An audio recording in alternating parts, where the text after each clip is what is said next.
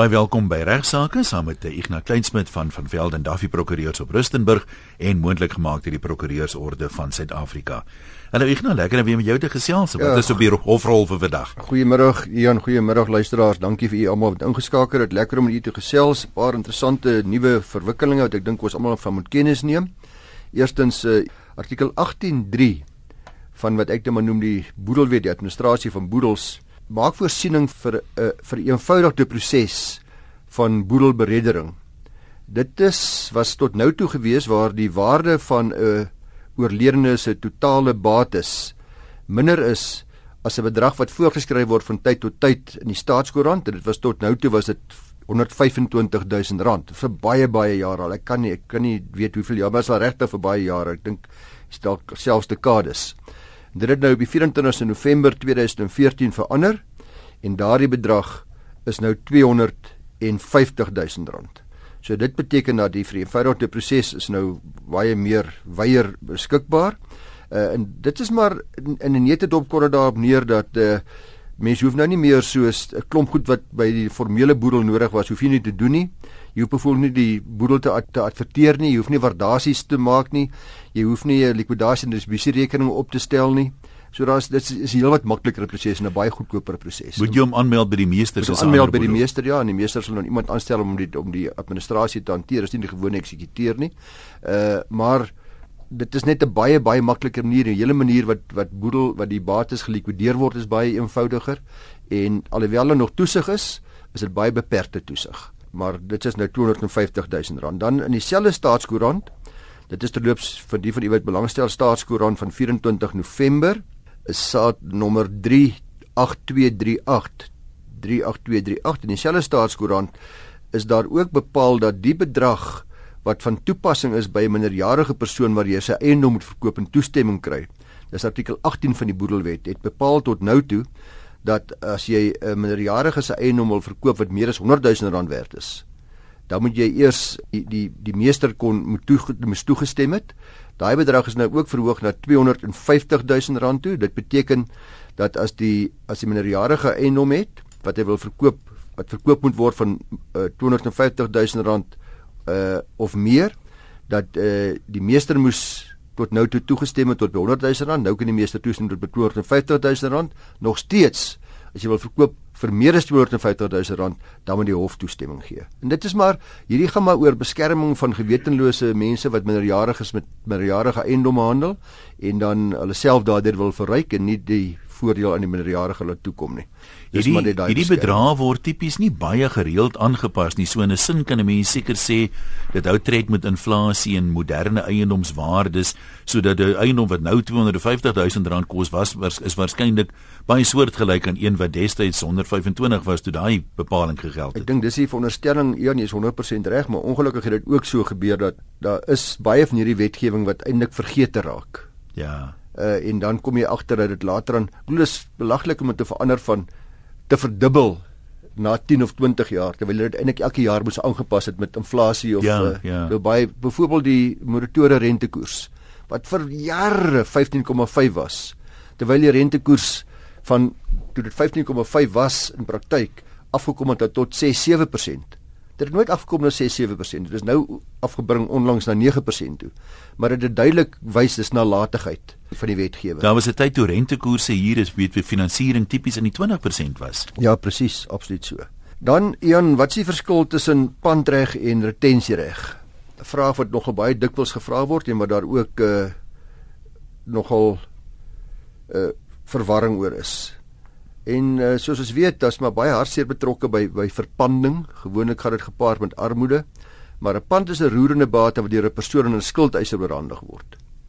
Uh die bate bied sekuriteit vir skuld wat dan verskillig is aan die skuldeiser. Daar's baie soorte bates uh, wat aan die skuldeiser oorhandig kan word, kan stoffelik wees, kan onstoffelik wees of liggaamlik of onliggaamlik uh, byvoorbeeld meubels wees of dit kan aandele in 'n maatskappy wees wat dan weer onstoffelik is. Indien 'n boer byvoorbeeld iemand sy skape as 'n pand in 'n skuldeiser gee en die skaap kry 'n lammetjie. Nou is die vraag wat nou? Dan sal die lam ook deel van die pand vorm terloop. So die vrugte van pand vorm ook deel van 'n pand, net interessantheidshalwe. Pandreg word gevestig wanneer die bate oorhandig word aan die skuldeiser. Die datum van van inderdaad van lewering. Daar moet fisiese lewering wees vir vir pandreg. Selfs by 'n aandeel moet dit werklike oordrag van die aandeel wees. Indien die skuld nie betaal word nie, kan die skuldenaar die skuldenaar dagvaar. Dan die skuldeiser ja, maar die skuldenaar dagvaar nadat hy vonnis verkry het. Ek kan natuurlik nou 'n lasbrief uitreik en anders as by die gewone konkurrente huis is hierdie dan 'n voorkeurhuis. Hy het dan 'n voorkeurhuis op die bate wat as pand aan hom oorhandig is. So die opbrengs van daardie pand gaan eers dan na hom toe voordat 'n ander skuldeiser toe sou gesaak word. Hy kan dit nie se muur doen nie, hy moet eers vonnis kry. Hy moet eers deur middel van 'n hofproses gaan. Indien 'n skuldeiser 'n bate as 'n pand hou en dit kos hom geld, byvoorbeeld nou kom ons van hierdie skaap as 'n maklike voorbeeld. Hy moet nou voer gee. Hy moet die skaap voer. Dan kan hy ook al die uitgawes eis wat hy aangegaan het met die instandhouding, die redelike en billike uitgawes met die instandhouding daarvan. En 'n belangrike dink ek term om te onthou by pandreg is wat ons praat van parate eksekusie. Dis om net jou vraag verder te beantwoord. Dit kom neer op 'n ooreenkoms wat daar aangegaan word tussen die skuldeiser en die skuldenaar dat die bate wat as pand oorhandig word dadelik verkoop kan word by wanbetaling. Maar dan moet daar 'n ooreenkoms spesifiek tot die effek wees. Anders moet jy deur die hofproses gaan. Uh onthou ook die skuldeiser het nie die reg om die pand saak te gebruik nie. Aan die ander woorde ek gee jou kar in pand of wat ek nog al op die skaap, ek mag natuurlik die slag nie, mag hom op geen manier gebruik nie. Ek moet die saak versorg soos Mag jy die skaap skeer? Ja, jy sal hom kan skeer, maar weer eens die vrugte daarvan sal sal deel word van die van die pand en dis lê waar natuurlik verhoog. Jy sal dit nie kan verkoop nie. Maar as jy die as 'n deel van die instandhouding is, kom ons sê jy het 'n wolskaap ja. wat een keer 'n jaar geskeer ja. moet word. Dan sal jy vir die dan sal jy die wol die, die skaap kan skeer.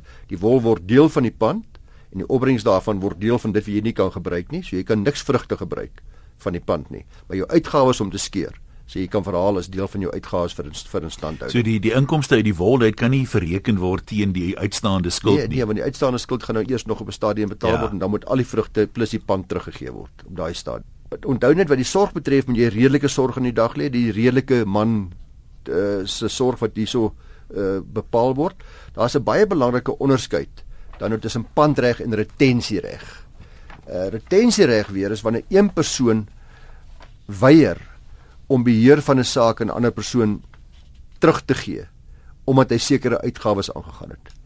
Aan die ander woorde, ek het jou skaap, maar ek skuld uh, kom ons vat kom ons vat dit makliker. Daar's twee verskillende retensieregte wat ons kan onderskei. Naamlik die verrykingsretensiereg en dan die skuldenaar skuldeiser retensiereg. Die verryking kom voor wanneer ek byvoorbeeld my buurman se huis oppas. Sy geyser bars en sy hele huis is onder water. Ek kry 'n slotmaker om my huis oop te maak. Hy sit in Kaapstad of oorsee of waar ek nogal. Ek droog die matte uit, ek laat die geyser herstel. Ek sal hier in staat wees om 'n retensiereg oor die huis te hou totdat hy my betaal, 'n verrykingsretensiereg. 'n Mens kan egter nie retensiereg kry vir nietige uitgawes wat jy aangegaan het nie. Daar moet onderskei word tussen nuttige, noodsaaklike uitgawes en net vir nuttige, noodsaaklike verbeteringe kan jy eis. Uh, ek sal byvoorbeeld nou nie as ek nou vir hom goue krane ingesit het terwyl hy huis het vir 100 000 rand en die kraan ek sal ek dit nie kan eis nie. Dis nie dis is luukse onnodige nie noodsaaklike nuttige verbeteringe nie. Ek sal dus net daarvoor kan eis indien jy besluit byvoorbeeld om 'n visdam en jou buurman se erf by jy hou nou baie van visdammetjies en water wat wat sê mense vir 'n water feature water uh goedjies wat so af van al daai mooi dingetjies en jy maak 'n rotsteentjie daar en jy dink jy gaan jou buurman verskriklik verras as hy terugkom na sy 3 maande vakansie en uh, skielik kom hy daar en hier is hierdie mooi rotsteentjie in sy uh tuin, dan is ek bevrees jy gaan dit nie kan terugeis nie, want het jy gevra daarvoor nie, dis nie nuttig nie, dis nie noodsaaklik nie. Dis leaks en jy doen dit op jou eie risiko. Dis nie daarvan hou nie as jy moet afbreek. Die ander retensiereg, die meer bekende een is die skuldenaar skuldeiser retensiereg. Dit kom daarop neer dat daar 'n kontrak ontstaan tussen twee partye. Byvoorbeeld ek gaan dat die motor herstel plek toe, gee my motor in vir herstelwerk en uh die ooreenkoms is dat ek moet betaal daarvoor. Wanneer ek my voertuig gaan haal, moet ek dit betaal voor ek my voertuig kan terugkry. Dis 'n normale standaard ooreenkoms. En as ek nou weier om te betaal, dan kan daardie persoon 'n retensiereg uithou. Toepas op my voertuig, hy kan hom hou totdat ek dan my voertuig betaal het. By al twee van hierdie retensieregte wat ek nou hier beskryf het, die een wat die huis wat ek verbeteringe aangebring het en ook die voertuig, is fisiese besit 'n baie belangrike besit of beheer. Dis 'n noodsaaklike element om die retensiereg te behou. Dit moet deurlopend wees. Daar mag nie 'n tekort in hierdie beheer wees of uh of of besit nie. Byvoorbeeld ek los ek los die plek uh, vir 'n week lank of die voertuig gegee om vir jou terug en ek kom môre wil ek hom weer gaan haal nie. Dit gaan nie werk nie. Dit sal veroorsaak dat ek my retensiereg verbeur. Dis verder noodsaaklik ook om te weet luisteraars dat uh, dit moet effektiewe beheer wees wat uitgeoefen moet word. 'n Voorbeeld wat uh, ek vir u kan gee is waar 'n maatskappy dit het in 'n hof gebeur, 'n groot skip herstel het en slegs twee verteenwoordigers gelos word om die skip op te pas. Die kaptein is steeds aan boord, beteken die feit dat daar net twee werknemers was dat daar nie meer effektiewe beheer uitgeoefen was oor daardie skip nie en dat die retensiereg verlore gegaan het. Uh dis bevind, daar praat oor van groot geld, né? Groot geld. Dis bevind in 'n saak van Captex Engineering Werke Eienaarsbeperk en SAB lyne in 1968 saak. Net so by bouwerk dit meer dikwels wat jy kry 'n ander persoon bou vir my 'n huis en ek betaal nie. Veral hier teen die einde, ek betaal nog mooi so tot die huis so 80% is nie, die heel teen die einde betaal ek nie my huis nie. Dan is dit belangrik vir die bouers om te weet dat jy met fisiese beheer en besit van daardie perseel hou om jou retensiereg uit te oefen, byvoorbeeld die sleutels behou, uh die heining, die die deur voor die sekuriteitshek wat moet jy moet jy beheer oorhou en indien die gebou naby voltooiing is, behoorlik toesluit ensovoorts, want sodra jy die die eienaar toegelaat het om in te gaan, uh omdat jy nie daar was nie, dan as ek bevrees, jammer, retensiereg is verlore. So wanneer ek het dit nou baie vinnig en baie kort gestel, maar daar's ook redelike aspekte wat mense in aanmerking moet neem om te verseker dat jy die sekuriteit van 'n pand en 'n retensiereg nie verloor nie. Net 'n vraag daaroor, mens sien soms by plekke wat herstelwerk doen, sê net maar aan grassnyers.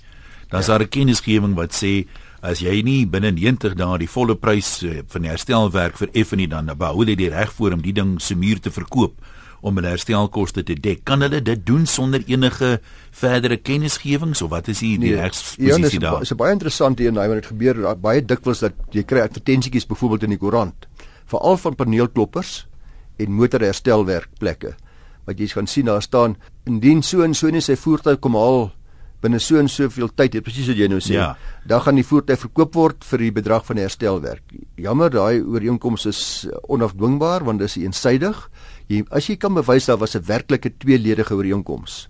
Aan die ander woorde, jou voorbeeld dat daardie net soos by 'n net soos by 'n uitsluiting van van uh, nalatigheid. Ja. Daai skadeloosstellingsklausules. Moet jy bewys dat daar inderdaad 'n ooreenkoms tot stand gekom het. Uh een 'n klein gedrukte dingetjie onder op 'n faktuurtjie wat nie onder my aandag gebring is, hierdie fyn skrifgie op die agterkant van 'n faktuur. Uh, wat dit byvoorbeeld sê. Ja sal net nie goed genoeg wees nie want dat jy sou nie kan bewys dat ek en jy het inderdaad ooreengekom dat dit so gaan wees nie. Daar waar ek nou sê teken hierso Ian, daar sien jy hierso, hierso staan. As jy net binne 3 maande betaal en verkoop kom en ek vat die geld vir my. En jy teken daarby en is duidelik vir die hof dit was onder jou aandag gebring. Dit is deel van 'n werklike kontrak, dan jy kontraktueel gebonde en dan sal al wat dan nog sal oorbly is of die skade in verhouding is.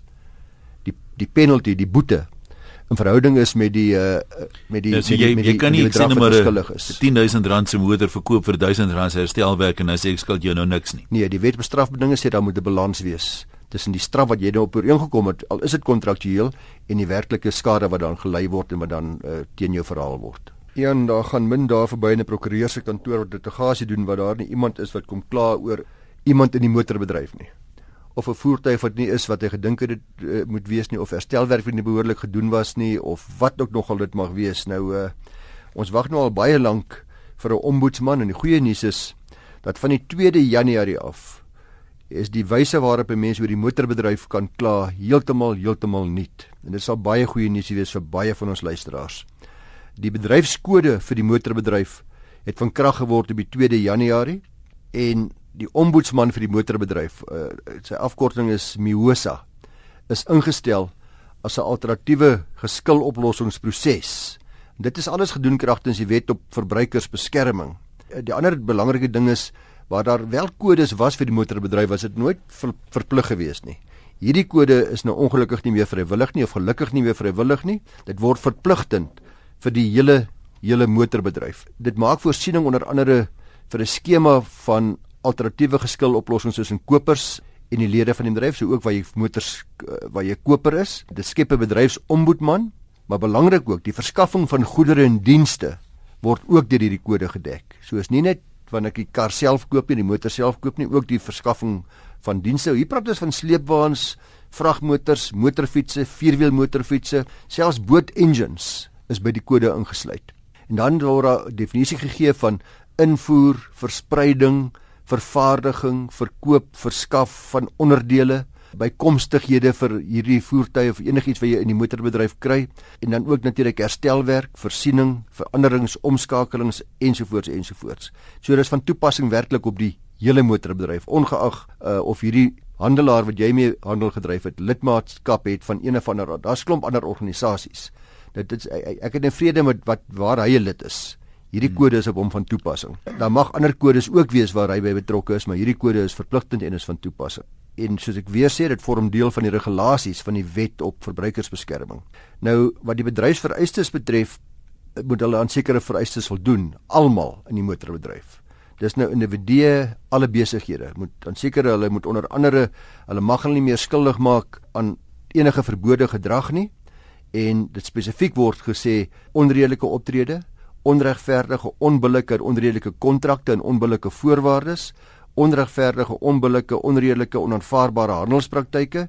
Dis natuurlik so wyd soos die Here se genade daar is. Dit kan dit is werklik baie wyd gestel in die wet en uh misleidende, onbillike of bedrieglike optrede. Dan moet hulle ook elke motorhandelaar wat nou luister, of ou wat in die motorbedryf is, moet van die 2de Januarie af, dis nou al langer as 'n maand terug, moet hy 'n interne prosedure hê waar volgens klagtes ingestel kan word. So as ek by die garage kom en ek sê hey, ek wil 'n klag lê, moet daar 'n prosedure wees sê ja meneer, daar is 'n persoon gaan sien hom doen dit, doen dit, voltooi hierdie vorm, maak sis, maak so. Is daar voorskrifte vir die prosedure of kan elke ou sy eie prosedure saamstel? Baie vaag ongelukkig. Daar word 'n paar algemene beginsels gesê wat alles daar neerkom dat met flinkheid wees binne sekere tye gedoen word. Dit moet opgelos word volgens die gees en voorwaardes van die hele kode sê hulle.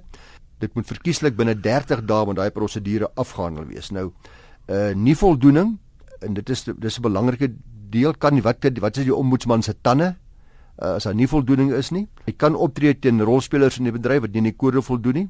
Klagtes sal na die verbruikerskommissie verwys word wat dan 'n voldoeningsbevel uitreik. En die bevel kan uiteindelik 'n bevel dan van die nasionale verbruikerstribunaal word.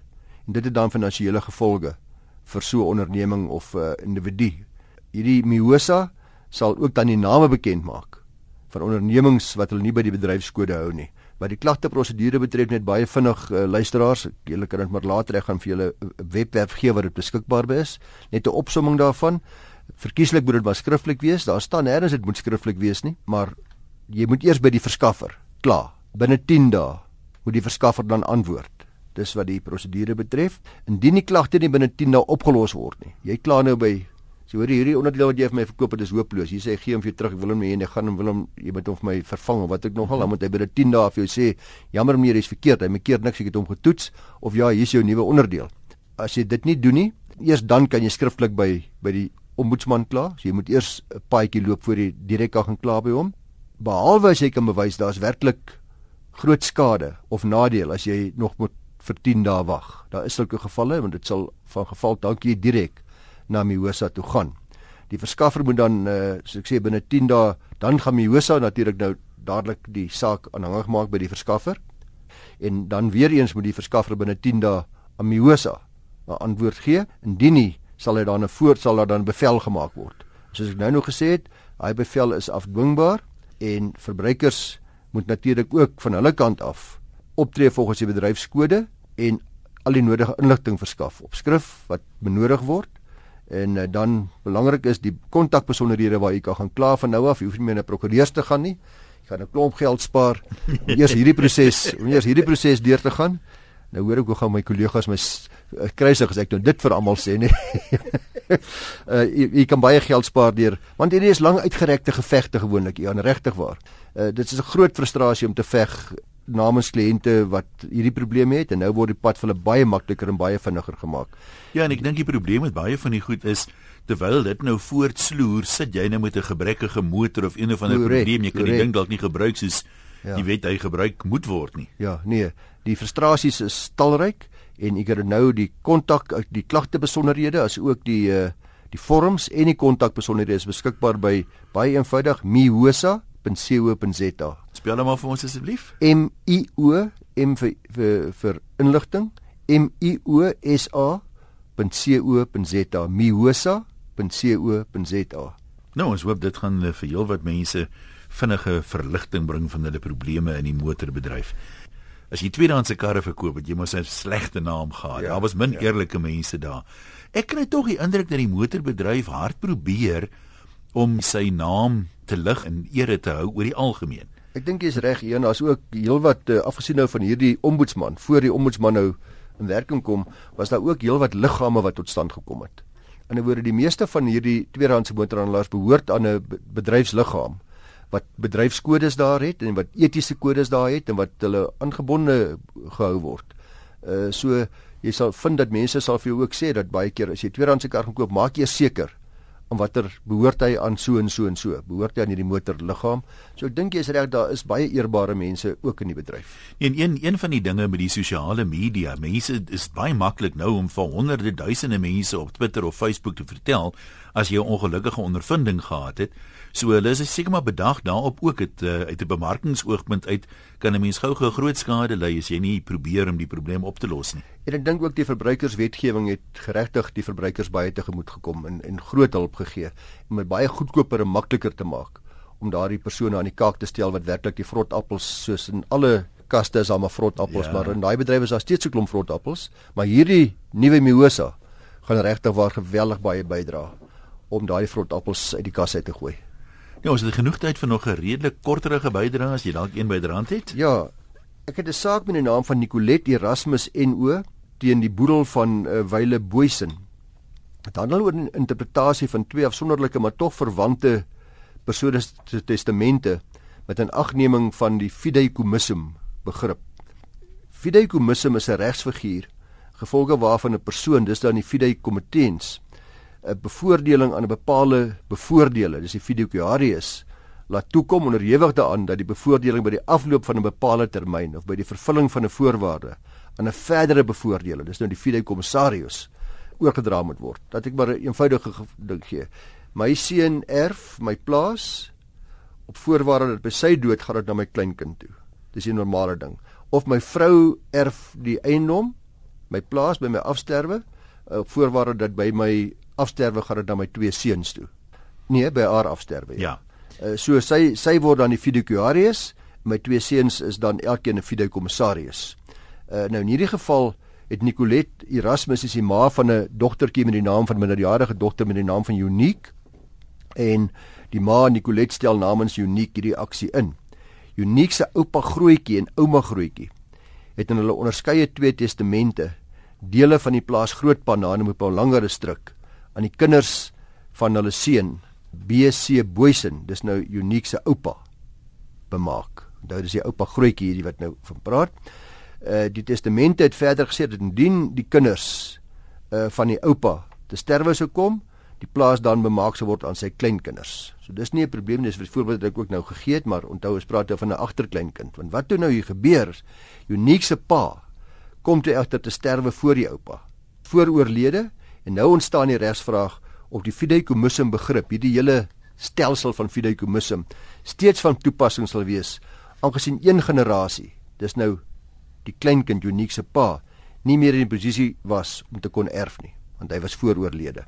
Nou uh die hof se bevinding was regter de Vos het in die Noord-Gauteng Hoë Hof bevind dat die fideikommissum nie kon plaasvind nie omrede die fideikoarius die pa te sterwe gekom het voor die voor die uh, persoon wat die fideikomis daar gestel het, die fideikommittens, haar oupa, oupa grootjie dan.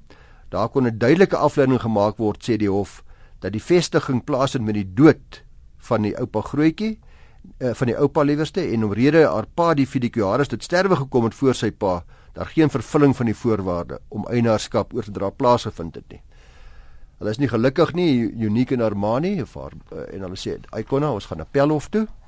en die appelhof het hierdie beslissing tersyde gestel. Die hof bevind dat in hierdie aangeleentheid daar 'n nuwe regsfiguur tot stand kom, 'n fideikommissum multiplex. Die dood van van die pa voordat vervestiging plaasgevind het, sê die hof lei nie tot die beëindiging van die fideikommissum nie, maar bring net 'n versnelling van die belang van 'n verdere plaasvervanger mee, behalwe as die teendeel bewys kan word. Sê die hof sê die die bewyslas is op die party wat die teendeel wil bewys. Anders word aanvaar dat die bedoeling was dat dit verder sou gaan. Die hof het verder bevind dat daar 'n duidelike bedoeling was van beide uniek se oupa en ouma grootjie dat sy en die ander kleinkinders uh, met die dood van die onderskeie fiduaries sou kon erf. Uh, dat die gedagte nie was dat dit dan na heel vreemde mense toe moes gaan en dat dit moes verder gaan in die familie stamboom af. So uniek word is geregtig om die gedeeltes van die plaas te erf soos dit in die testament aan haar bemaak was. En nou dis nie grondwet of toe hierdie een nie, want nou vir dit vir my als gaan draai by die grondwet oor die konstitusionele hof. Hierdie was appelhof gewees. Ja. Nog nie nog nie nog nie grondwet hof toe nie. Nee, dit lyk my dit is alwaarvoor ons gaan tyd hê. Ignas is altyd baie dankie. Voorspoed daai kant toe. Ons praat volgende maandag weer. Baie dankie Ian en groete aan die luisteraars. Luisteraars wat voorstelle wil stuur vir uh, onderwerpe wat ons kan bespreek hier op regsaake, kan dit direk vir Ignas stuur by igna@ffd.co.za. En baie dankie aan die Prokureursorde van Suid-Afrika wat regsaake moontlik maak.